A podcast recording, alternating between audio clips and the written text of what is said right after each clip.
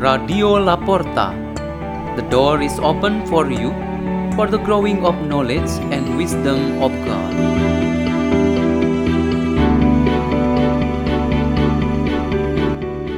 Delivered by Sarah Angelique and Leni Priska from St. Peter's School in Jakarta, Indonesia.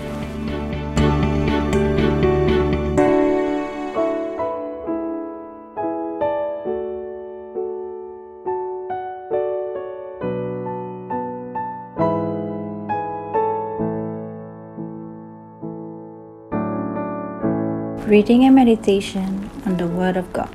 Wednesday of the 24th week in Ordinary Time, September 15th, 2021. Memorial of Our Lady of Sorrow.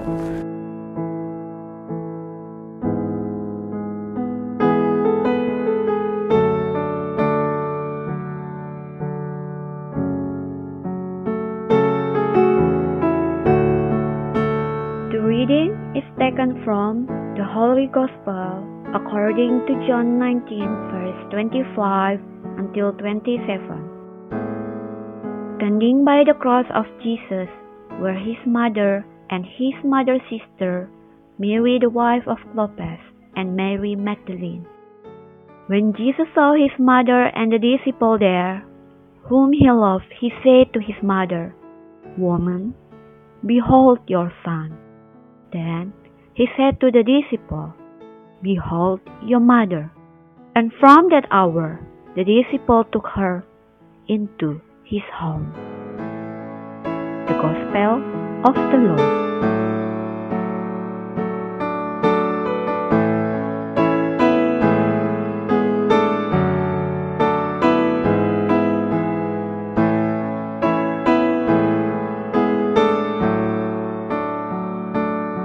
The theme for our meditation today is the Mother who forgives. The Blessed Virgin Mary's experience of grief is closely related to the suffering and crucifixion of Jesus Christ. When facing the death sentence, Jesus was alone. The apostles left him, except for his mother and his beloved disciple, John. Mary, the mother of Jesus, and the three other women were near the foot of the cross. At the foot of the cross, Mary experienced the highest point of sorrow, namely the death of the son she had conceived and given birth to.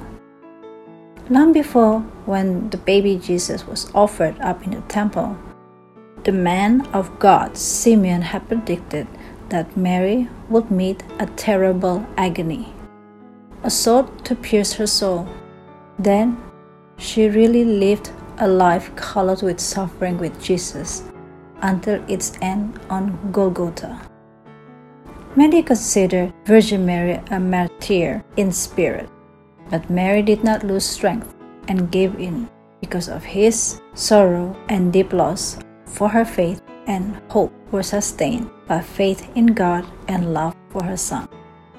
As an expression of her strong faith, Mary, in communion with her Son, forgives with the same dignity as what made by Jesus from the cross, as he said, Father, forgive them, for they do not know what they are doing.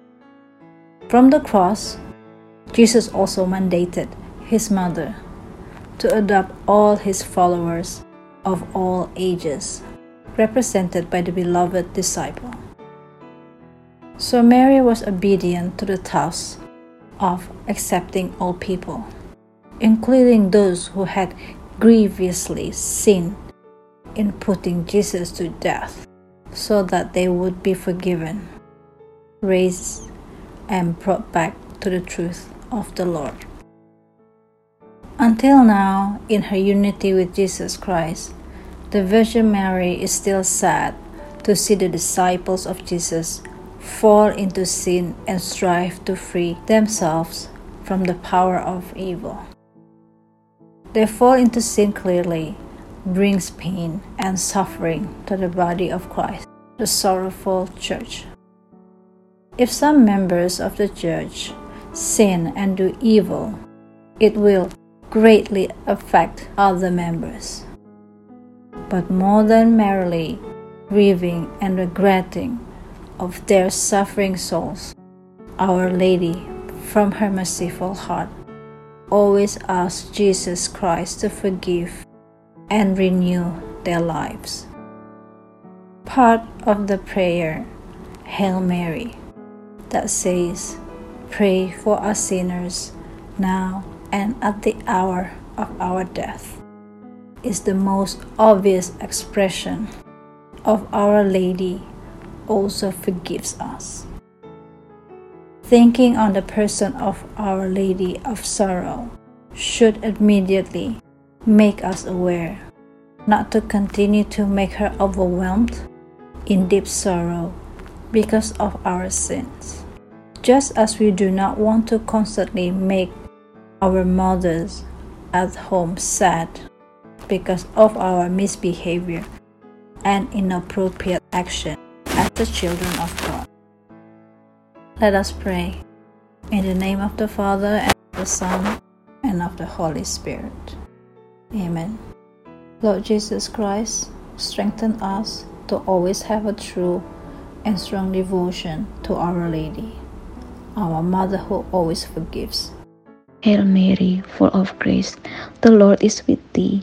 Blessed art thou among women, and blessed is the fruit of thy womb, Jesus.